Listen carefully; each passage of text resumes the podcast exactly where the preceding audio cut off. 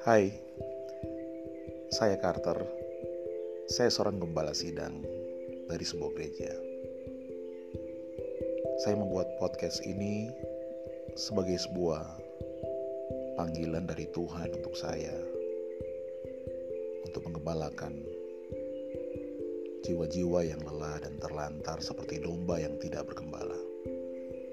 Mungkin saat ini Anda adalah orang tersebut engkau sedang melewati masa-masa yang gelap dalam hidupmu. Engkau lelah, terlantar, engkau capek dan membutuhkan pertolongan. Dan Yesus memanggil saya untuk Anda hari ini. Yesus berkata, "Mari, sarapanlah."